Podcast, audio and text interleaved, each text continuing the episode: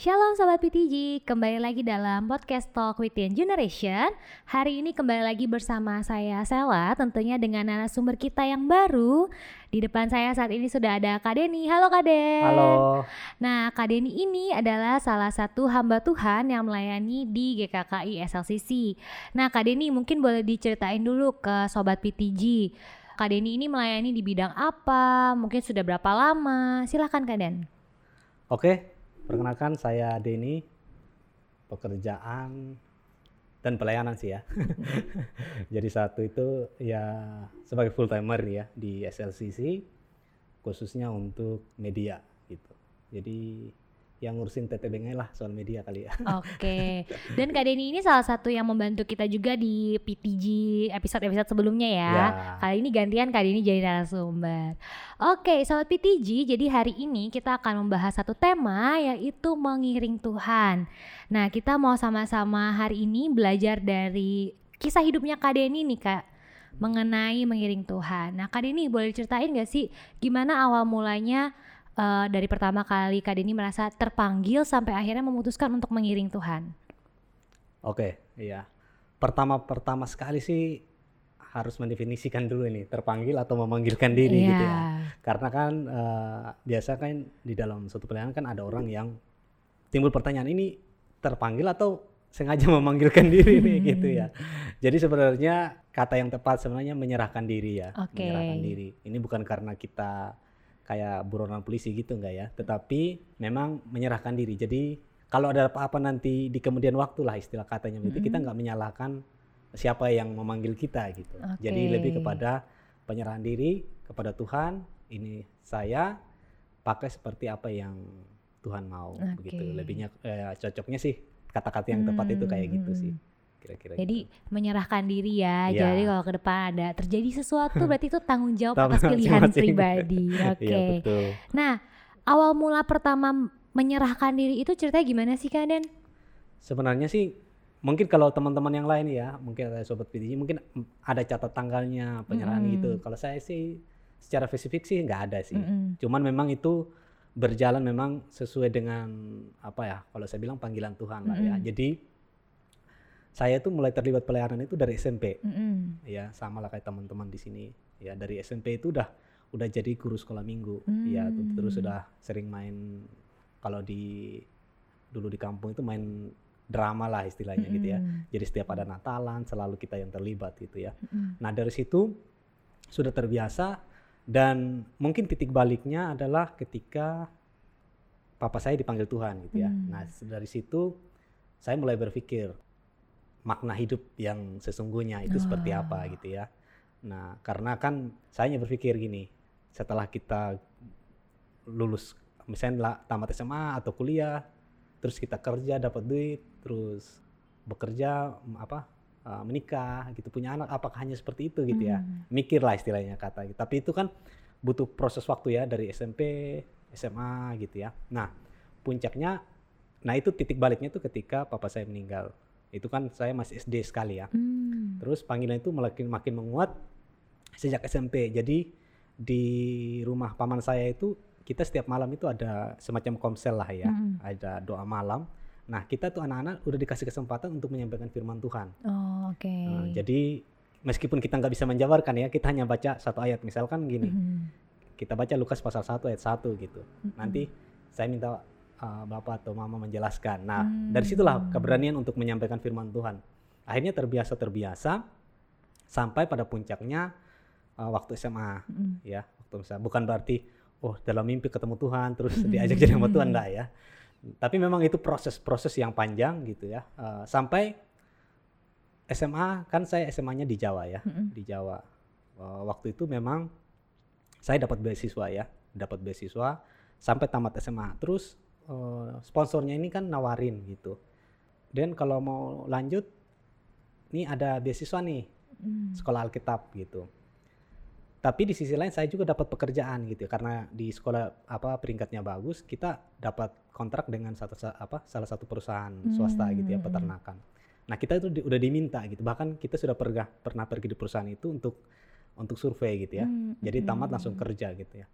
Tapi waktu hari-hari terakhir itu kan kita di asrama ya. Nah, ada seorang hamba Tuhan berkhotbah. Tuayan memang banyak, tetapi penuai sedikit gitu ya. Hmm, Nah, itu saya renungkan, itu kayaknya nggak bisa tidur saya selama beberapa hari gitu ya. Ya, ya udah. Akhirnya ada tawaran begitu, ya udah. Terus saya tanya kuliahnya di mana? hmm. Di Jogja gitu. Wah, ini peluang nih ya. Akhirnya ya udah saya ambil kesem, apa keputusan saat itu saya mau ke Jogja gitu ya. Oh, oke. Nah, akhirnya masuk di sekolah Alkitab itu. Gitu. Oke, jadi sebenarnya eh, mulai merasakan ada sesuatu tuh dari kecil sebenarnya Iya, kan dari SD, kecil, SD, SMP. terus karena eh, juga pengaruh keluarga, Ya, lingkungan, akhirnya semakin kuat dan semakin yakin gitu Iya, ya. kalau kalau bahasa psikologinya kan itu kan totalitas penjumlahan lah istilahnya katanya. Oh Jadi iya, dari peristiwa yang kita alami, Mm-mm. keluarga, terus lingkungan sekitar, itu akan membentuk kita visi kita ke depan seperti apa gitu sih oh kira-kira. oke. Hmm. Nah, Kak Den, itu kan tadi cerita Kak Den tentang bagaimana awalnya akhirnya memutuskan untuk mengiring Tuhan. Hmm. Nah, sebenarnya mengiring Tuhan itu sendiri tuh apa sih maksudnya Kak Den? Nah, ini apa pertanyaan yang sangat bagus ya, Hmm. mengiring Tuhan. Karena itu lagu sebenarnya itu kan eh, terkenalnya mengiring Tuhan itu kan lagu Kidung Hmm, Jemaat ya. Iya. ya itu nggak tahu kidung jemaat berapa itu saya udah lupa karena udah jarang buka kidung jemaat gitu ya tapi definisi mengiring itu kan sebenarnya bersama-sama ya Mm-mm. bukan berarti kita mengiring kita lebih kuat nggak tetapi Hmm. kita mentautkan diri kita sepenuhnya kepada Tuhan Oke. terus eh, jangan juga dianggap bahwa mengiring Tuhan itu kita harus jadi pelayan Tuhan setiap waktu atau full gitu ya Mm-mm. di gereja khotbah gitu nggak tetapi di dalam tindakan kita sehari-hari ya ketika kita mengambil keputusan kita bangun pagi kita mau melakukan apa gitu ya Mhm. kita selalu sertakan Tuhan melalui apa melalui doa kita Hmm. hubungan pribadi dengan Tuhan ya menurut saya sih Hmm. mengiring Tuhan ya seperti itu gitu ya Oke. jadi tidak istilahnya tidak berjalan sendiri-sendiri gitu ya Hmm, hmm, hmm. ada satu contoh di dalam Alkitab ya di Perjanjian Lama itu Raja Daud ya. Oke. waktu Raja Daud masih muda terus dia dielulukan gitu ya. Itu kan dia selalu berdoa Mm-mm. meminta petunjuk Tuhan ya. Boleh katakan miring Tuhan lah. Tapi ada satu peristiwa ketika dia tidak meminta petunjuk Tuhan gitu ya. Oh, ketika dia melihat wanita cantik gitu ya. Nah di satu itulah dia menjadi eh, apa tidak meminta ya Hmm. eh, petunjuk Tuhan. Nah fatalnya apa akibat fatalnya apa ya? Seperti itu gitu kan akhirnya kan Hmm. kerajaannya kan eh, terpecah jadi Iya. dua gitu ya kira-kira Oh. seperti itulah ya. Jadi setiap hari, setiap waktu, di mana pun kita, kita minta petunjuk Tuhan. Oke, Gitu. jadi mengiring Tuhan itu nggak terbatas kita melayani full time, Iya, itu. tapi dalam kehidupan kita sehari-hari pun kita harus libatkan Tuhan dalam mengambil keputusan gitu Iya ya. betul sekali. Karena Hmm. eh, orang yang melayani full juga belum tentu loh disebut orang mengiring Tuhan gitu ya. Hmm, Karena hmm, Ada orang yang bisa bersembunyi itu di, di balik pelayanannya gitu ya. hmm. Tetapi eh, ya itu tadi ya, mau pelayanan apa enggak, setiap apa pun dalam kehidupan kita, ya kita mesti meminta petunjuk Tuhan ya. Oke. Kira-kira. Nah, gitu. Kadang ada nggak sih hal-hal yang perlu dipersiapkan ketika kita mengambil keputusan untuk mengiring Tuhan? Oh iya ada. Hmm. ada ya karena mengiring Tuhan itu kan bukan berarti jalan bebas hambatan gitu ya. Hmm, hmm, hmm. toh jalan bebas hambatan aja masih ada rambu-rambu yang Iya, dipasang betul. gitu ya. Kecepatannya berapa di mana harus berhenti kalau ada apa-apa gitu ya. Nah demikian pun mengikut Tuhan ya. Di dalam Roma 14 ayat 8 itu ya saya eh, buka dulu. Roma ya ayat, ayat del- Roma 14 ayat 8 firman Tuhan berkata demikian sebab jika kita hidup kita hidup untuk Tuhan. Dan jika kita mati kita mati untuk Tuhan jadi baik hidup atau mati kita adalah milik Tuhan Hmm. jadi hal pertama sih yang harus kita siapkan ya kalau kita mengikut Tuhan adalah siap mati Oh. itu itu harga yang mesti harus kita sangat persiapkan gitu ya Hmm. ya karena mengikut Tuhan itu kan ya seperti yang saya bilang tadi ya nggak ada Hmm. nggak ada apa ya nggak ada jalan lempeng gitu ya Hmm. ada banyak hambatan gitu ya karena Tuhan tidak pernah menjanjikan jalan kita selalu rata tetapi yang Tuhan janjikan adalah penyertaannya Hmm. gitu ya. sekarang tinggal pilih aja jalan kita selalu rata tapi tanpa penyertaan Tuhan Mm-mm. atau jalan kita bergelombang tapi Tuhan selalu bersama-sama dengan kita. Hmm. Mungkin orang pilih kan, ya mending saya pilih jalan yang rata bersama dengan Tuhan. Enggak ada hukum begitu gitu loh. ya, hukumnya adalah eh, selalu bersama dengan Tuhan meskipun jalannya tidak selalu rata. Oke. Ya, itu ya. Itu tadi hal yang dipersiapkan Kak Iya. Dena. Itu kan berarti mengiring Tuhan tuh nggak nggak mulus-mulus aja gitu ya. itu pasti. Nah, kalau berdasarkan pengalamannya Kak Deni sendiri ya, ada nggak sih hal-hal yang harus dihadapi karena keputusan untuk mengiring Tuhan gitu, atau dalam tanda kutip konsekuensi yang harus ditanggung gitu? Wah, oke. Tadi kan masih umum ya, Iya. masih istilahnya siap mati sih kayak apa sih? ya. Mm-mm. Yang pasti sih pertama siap mental ya. Hmm. Oh, siap mental gini. Eh, Yang pertama mentalnya itu dalam hal pekerjaan Hmm. ya. Meskipun ya di kota-kota besar ya hamba Tuhan itu kan hidupnya kelihatan mewah gitu. Mm-mm. Tetapi kembalilah kalau saya sih gaya hidup sih kalau saya ya. Karena begini seorang hamba Tuhan sekaya-kayanya pun gitu ya, dia harus berbagi kepada orang lain, harus jadi berkat Hmm. gitu ya. Jadi bukan karena memang dia punya oh, banyak pride atau apa gitu, tetapi bagaimana dia memberkati banyak orang Oke. Nah, itu harus siap di mental ya. Hmm. Jadi apa pun kondisimu ke depan itu harus siap. Oke. Entah kalau dia diberkati secara limpah atau memang berkatnya biasa-biasa aja gitu. Hmm. Misalnya hamba Tuhan yang hidup di pedesaan gitu ya. Mau kayak Hmm. apa pun mereka nggak bisa sekaya hamba Tuhan di kota gitu ya. Hmm. Karena kan di sana kan di di desa itu kan beda ya. Iya. Jadi pertama itu harus siap mental ya. Mm-mm. Jadi hamba Tuhan. Artinya begini, di mana pun engkau ditempatkan, ya usahakanlah di situ Hmm. supaya itu menjadi berkat. Oke. ya. Terus yang kedua adalah selain siap mental, eh, ini masih siap siap mental juga sih. Mm-mm. Artinya harus siap berpisah dengan orang-orang yang kita eh, kasihi Ah, Oke. gitu ya. Kita kasih misalnya keluarga Mm-mm. gitu. Itu kan kita mesti berpisah ya Mm-mm. secara fisik berjauhan. Terus kita nggak selalu ada bersama-sama dengan mereka. Mm-mm. Terus yang sebenarnya yang paling penting adalah uh, itu kan fisik ya, Mm-mm. tetapi uh, soal hati memikirkan ya. Hmm. Kalau misalnya kita jadi gembala atau kita jadi tim pastoral misalkan, Mm-mm. kan otomatis yang kita urus bukan hanya keluarga kita sendiri oh, loh, iya. tapi kan semua orang. Mm-mm. Ya. Kan kita nggak bisa membedakan, oh ini keluarga saya jadi saya harus memperlakukan mereka lebih dari yang lain nggak bisa gitu. Kita kan punya keluarga rohani juga. Mm. Keluarga rohani itu kan juga keluarga kita kan. Iya, gitu. betul. Jadi perhatiannya juga harus harus sama gitu. Meskipun mungkin kita nggak ada ikatan darah ya, Mm-mm. tetapi kan kita di dalam Tuhan satu.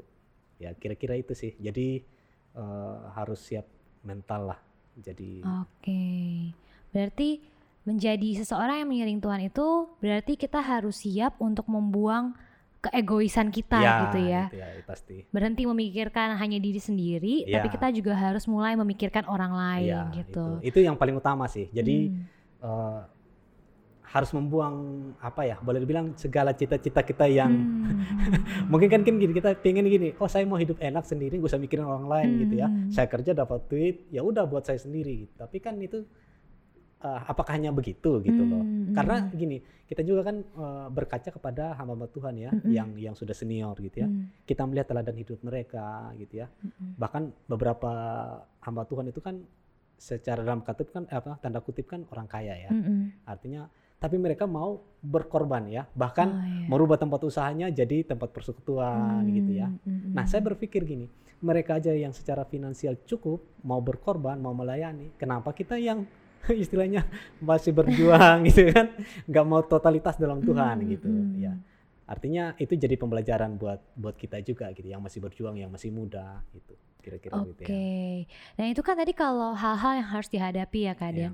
Nah, mungkin kalau sobat PTJan dengar, wah, berarti kalau mengiring Tuhan, apakah berarti harus terus seperti itu? Nah. Maksudnya mengorbankan diri sendiri. Iya. Nah, ada nggak sih keadaan berkat-berkat yang mungkin uh, di firman Tuhan sudah Tuhan janjikan gitu buat orang-orang yang mengiring Tuhan atau mungkin dari pengalaman keadaan sendiri yang keadaan alami gitu? Ya, ka- kalau di firman Tuhan mah gak usah dijelasin ya kali ya. Banyak ya? banyak Oh, gitu iya. ya. Eh, kalau secara pribadi itu jangan ditanya lah ya, Hmm. jangan ditanya gitu ya.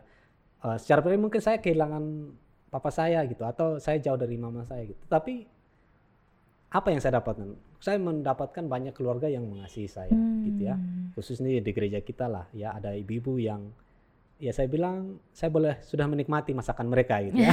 Jadi selama pandemi ini gitu ya, setiap hari ada yang mengirimkan makanan di gereja gitu kan. Hmm. Jadi sangat-sangat menikmati ya. Jadi Mm-mm. ya artinya mereka eh, meskipun saya dengan ibu saya jauh gitu, tapi Mm-mm. Tuhan menggantikan dengan ibu-ibu yang luar biasa Oh, ini jadi gitu ya. banyak ibunya. Ya, ya secara pengalaman seperti itu ya. Yang pasti Oke. begini, Mm-mm. tidak akan pernah rugi kita melayani Tuhan Hmm, gitu ya. betul. Hitunglah ya, carilah pengalaman di mana aja gitu ya. Saya berani bertaruh gitu ya. Kalau mau hitung-hitungan matematika, ayo gitu ya, gitu. Karena begini, Tuhan itu tidak pernah berhutang, Hmm, ya itu betul. ke- kata gembala sidang kita kan. Jadi apa pun yang kita kerjakan, Tuhan pasti akan selalu men- menolong memberkati. Satu juga yang saya ingat dari gembala sidang kita adalah di mana ada visi Tuhan, di situ ada penyediaan Tuhan, gitu ya. Hmm. Jadi kalau Tuhan sudah, sudah, tetapkan kita jadi hamba Tuhan kamu di sini nih, gitu ya. Mm-mm. Ya ini kan Tuhan mau gitu, Tuhan punya rencana. Hmm, Ya Tuhan juga yang betul. pasti akan menyediakan. gitu ya. Hmm. Kalau ada yang bilang, oh saya nggak cukup ini, apa sih kebutuhan apa sih yang membuat kamu nggak cukup gitu loh ya. Hmm. Ya, jadi kembali lagi ya. Tapi begini harus diingat juga, karena kan Tuhan nggak asal perintah loh. Iya. Karena Tuhan kasih kemampuan, ya. Betul. Burung aja yang tidak menanam, tidak menuai, Tuhan kasih makan ya. Mm-mm. Tapi kan dia mesti terbang tuh Hmm. untuk cari makan. Kan nggak mungkin hanya dia disangkar terus dia dia ya gitu ya. Kita kan dikasih akal, dika- Iya, dikasih betul. keterampilan sama Tuhan. Ya udah, pakai keterampilan itu uh, untuk istilahnya ya nyari duit lah, ya, Hmm, nyari nyari makan lah istilah kata Hmm. begitu ya.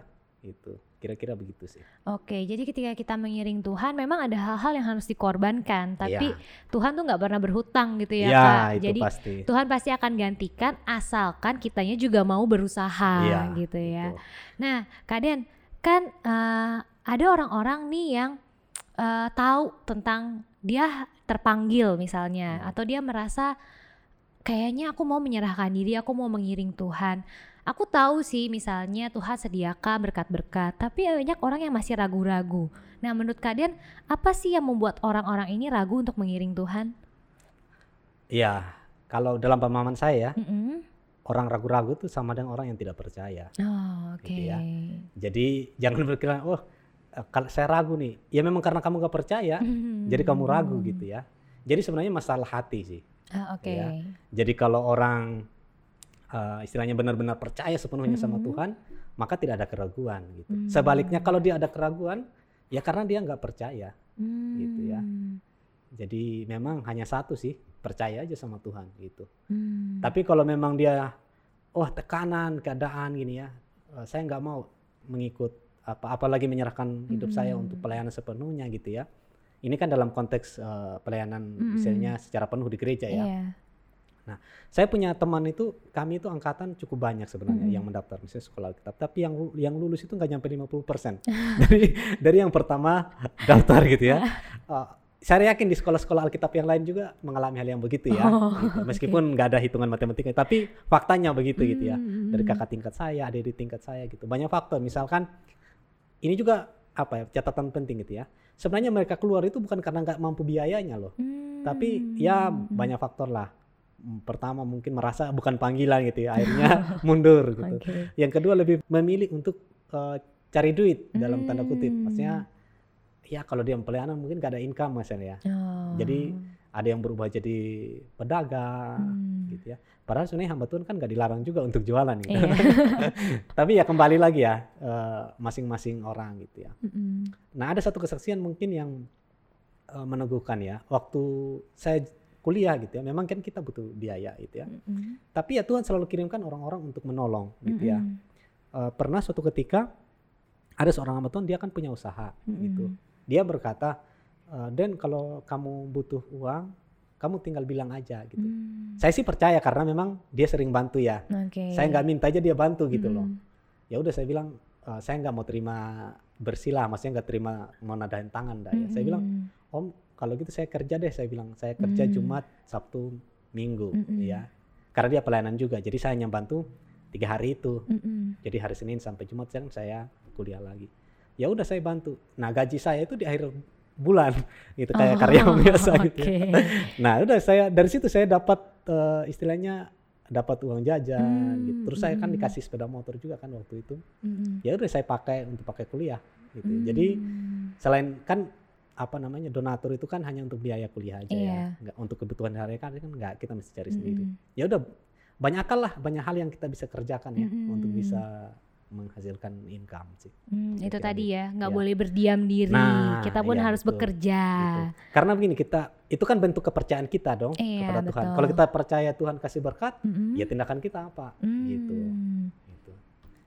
Oke, Kira-kira gitu. berarti untuk mengiring Tuhan mungkin memang kita bisa dipengaruhi oleh lingkungan, mungkin kita juga bisa secara nggak langsung diarahkan, tapi kembali lagi itu semua harus dari keputusan diri sendiri yang memantapkan diri ya. Iya, betul. Oke. Karena gini, sehebat apa pun tekanan di luar kita gitu ya, baik keluarga, lingkungan gitu. Memang itu ada pengaruhnya ya. Iya. Tetapi kembali dari kitanya sendiri Mm-mm. gitu.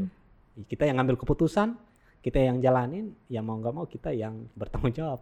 Iya, Kayak itu gitu. lagi ya Kak, kembali Iya. ke pertama ya. Jadi Iya. ketika kita menyerahkan diri untuk mengiring Tuhan itu, ketika nanti di depannya ada apa-apa, kita nggak Iya. menyalahkan siapa pun ya, karena itu keputusan pribadi. Kan dalam situasi sekarang aja lah, kan kita Mm-mm. lihat di media itu kan lihat hamba Tuhan kan pada Iya. curhat gitu. Banyak ya. ya banyak gitu ya. Ya ada yang terang-terangan, Hmm. ada yang apa ya istilah kode-kode gitu kan. Hmm, Ya saya nggak menyalahkan gitu ya. Hmm. Semua kita kan punya persoalan yang sama gitu ya. Iya. Cuman ya di gimana kita tetap survive lah ya. Mm-mm. Karena kan yang ngalamin kan bukan hanya mbak Tuhan. Iya betul. Jemaat loh yang dipikirin gitu Iya kan. betul. ya kira-kira begitu sih. Oke, nah Kak Denny sendiri ada pesan nggak Kak untuk mungkin sobat PTG yang masih agak ragu-ragu untuk mengiring Tuhan gitu. Nah menurut Kak Denny ada pesan nggak buat mereka? Ya, eh, buat teman-teman ya yang masih ragu lah terhadap pemeliharaan Tuhan ya dalam mengiring Tuhan. Ya langkah pertama sih percaya penuh sama Tuhan. Hmm, Itu aja sih. Karena ketika kita ragu sedikit saja, maka kita sedang tidak percaya Tuhan mm-mm, sebenarnya gitu. ya. mm. Nah kata-kata ragu itu kan ya implikasi ketidakpercayaan kita terhadap Tuhan gitu ya. Oke. Salah satu contoh di Alkitab adalah Abraham ya. Hmm, Ketika Tuhan suruh bilang persembahkan Ishak mm-mm. gitu ya. Apa yang dilakukan Abraham? Dia persembahkan. Nah, iya. Tapi kan waktu eh, anaknya nanya kan, dia nanya, anaknya kan nanya begini si Ishak nanya, "Eh, ayah kita sudah bawa kayu bakar Mm-mm. dan pisau, mana ini apa namanya Korbannya. domba korban? Lalu Abraham jawab Tuhan yang akan menyediakan Mm-mm. gitu ya.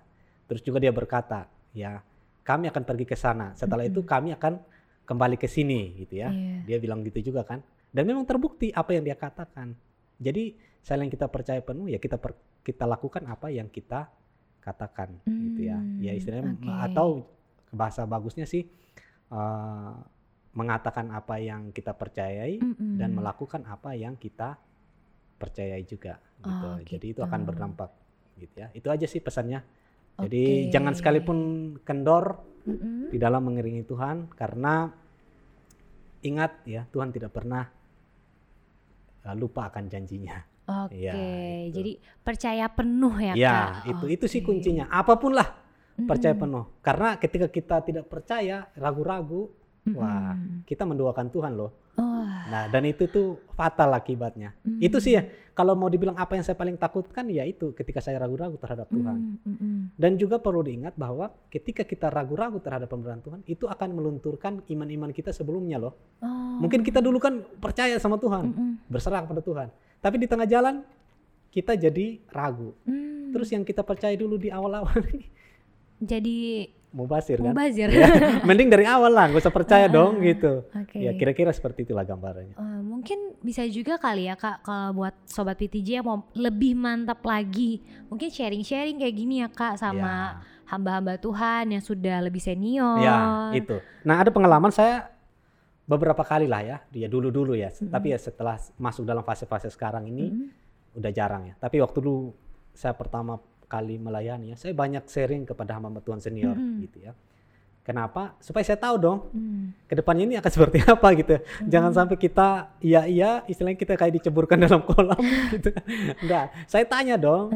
Oh, tanya maksudnya kalau saya eh, seperti ini nanti ya kira-kira mungkin kayak bapak lah misalkan begitu ya Mm-mm. katakanlah begini saya merintis pelayanan dari nol gitu terus nanti ada mulai orang banyak ngumpul Mm. jadi 100 jemaat 200 jemaat 300 nah letak kepuasannya itu di mana apakah kita langsung Mm. puas Mm-mm. Iya saya banyak bertanya begitu gitu loh ya Oke. jadi mereka kasih masukan Mm-mm. gitu sebenarnya esensi kita dalam pelayanan itu bukan ketika apa yang kita dapatkan ya, Mm-mm. tetapi bagaimana kita ya itu tadi selalu mengiring Tuhan terus menerus. Kita belajar apa? Kita mendapatkan kesaksian-kesaksian luar biasa Hmm. dan juga kita menguatkan orang lain melalui hidup kita. Nah, itu yang paling utama. Hmm. Karena kan. Tuhan kan tidak menanyakan eh, sehebat apa kamu gitu ya, tetapi se, se- apa namanya?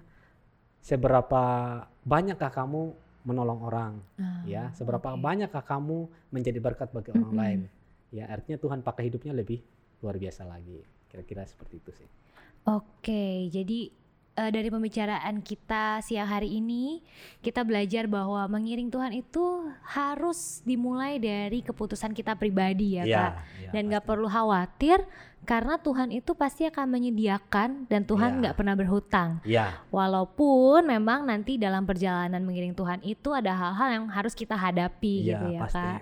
Oke, dan berarti penting juga bahwa kita perlu orang-orang yang mungkin bisa mendampingi, Oh, iya. mementoring Itu. gitu ya kak. Jadi ya seringlah kita dengerin Bapak Gembala Sidang juga kan Mhm. bilang kan gini. Kalau Anda ingin sukses, ya kelilingi kelilingi hidupmu dengan orang-orang yang Hmm, sukses. iya. ya kasih perbandingan aja lah. Sebulan kita tinggal di terminal Pulau Gebang misalkan gitu ya. Ya setiap hari kita makan di situ, minum di Hmm. situ gitu ya. Tidak merendahkan orang-orang di situ enggak, tapi Mm-mm. kan gaya hidup ya. Iya betul. Pasti kita akan terpengaruh dong. Mm-mm. Mungkin tadi kita ngomongnya pelan, tapi nanti ya karena biasa hidup di terminal kan manggil orang kan mesti kencang tuh. Iya, Nah, banyak itu- soal kendaraan. Iya, itu gitu. Itu kan berpengaruh. Oh, Sebaliknya oke. kalau kita hidup dengan orang yang misalnya suka berdoa, Hmm, terus yang suka bekerja ya, nggak ada waktu untuk ngosipin orang gitu ya. Itu pasti akan berpengaruh kita. Kita mau Hmm. gosipin siapa? Nggak ada teman ngobrol, Iya. orang sibuk kerja gitu kan. Jadi kira-kira seperti itulah. Jadi memang eh, dari kita sendiri, tapi faktor di lingkungan kita ikut ikut mempengaruhi. Oke, jadi Gitu ya. kembali lagi harus pilih lingkungan yang baik Nah, ya. ya itu. Oke. Eh, jadi dalam mengiring Tuhan selain karena keputusan diri sendiri, dikelilingi juga orang-orang yang baik, Ya, mungkin juga sharing-sharing dengan orang yang Ya. sudah lebih dulu gitu ya gitu. kak. Oke, terima kasih kak Denny Sama-sama. untuk pelajarannya siang hari ini. Eh, mungkin teman-teman yang sobat PTG lainnya yang mungkin mau sharing-sharing sama kak Denny, nanti boleh dihubungi kak Denny lewat sosial medianya. Ya. Karena Kak Den ini sosial media cukup aktif, banyak juga memberikan tutorial-tutorial loh. Tutorial. Ya boleh dicek nanti sosial medianya Kak Deni. Dan terima kasih lagi sekali lagi Kak Iya, Deni. sama-sama. Dan untuk Sobat PTG, jangan lupa saksikan juga eh, episode-episode lain podcast Talk Within Generation. Karena pastinya masih akan banyak topik-topik menarik dan yang tentunya seru untuk didengarkan. Terima kasih dan sampai jumpa dalam PTG selanjutnya. Shalom. Shalom.